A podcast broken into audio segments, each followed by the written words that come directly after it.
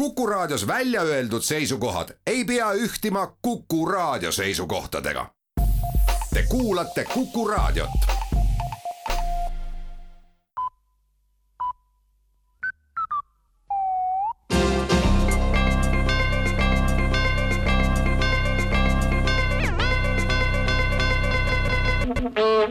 tere kuulama uudiseid stuudios Rohke Debelak valitsus annab teada, et pikaajaliste uuringute teel on tehtud kindlaks vaesuse peamised põhjused. tuginedes arvukatele vestlustele vaesusesse langenud inimestega, võib pea sajaprotsendilise tõenäosusega väita, et vaesuse otseseks põhjuseks on rahapuudus.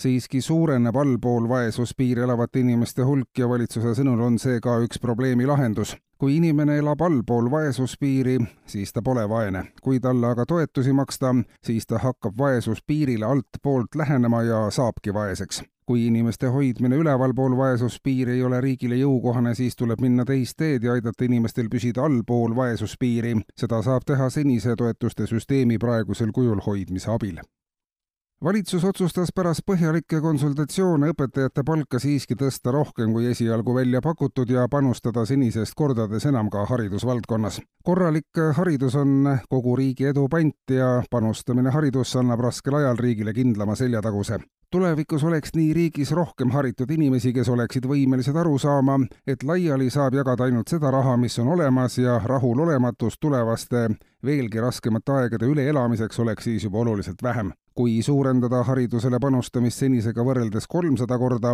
siis on inimesed viieteistkümne aasta pärast riigis juba nii targad, et materiaalne maailm neid ei huvitagi ja siis saab eelarvekulusid vähendada sisuliselt nullini ja seadusandlusest Riigikogu võttis reedel vastu jagamismajanduse seaduse. seni on inimeste hulk, kes majandusest midagi jagavad, olnud vaatamata mõningastele positiivsetele arengutele siiski väike jagamismajanduse seaduse kohaselt peab iga inimene midagi jagama, kaasa arvatud Riigikogu liikmed, kelledest samuti tuntav osa ei jaganud siiani majanduses suurt midagi. Toompea lossi ees on aegade jooksul toimunud mitmeid meeleavaldusi nii jagamise poolt kui jagamise vastu ja kokku tulnud on jagunenud nendeks, kes jagasid ja nendeks, kes siiski ei jaganud seaduses on veel lahtisi otsi küsimustes, mis võimaldaksid jagada muret, mis tekib seoses sellega, et midagi ei jagata.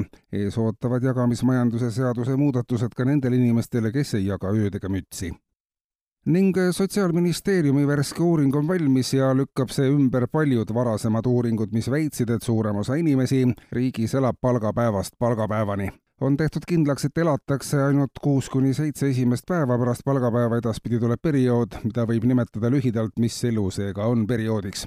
täiel rinnal saab elada kolm esimest päeva pärast palgapäeva. Eesti elanike säästmine on oluliselt paranenud, sest nädal pärast palgapäeva ei kulutatagi enam midagi ja selle näitajaga on eestimaalased ühed kõige suuremad säästjad Euroopa Liidus. kuulsite uudiseid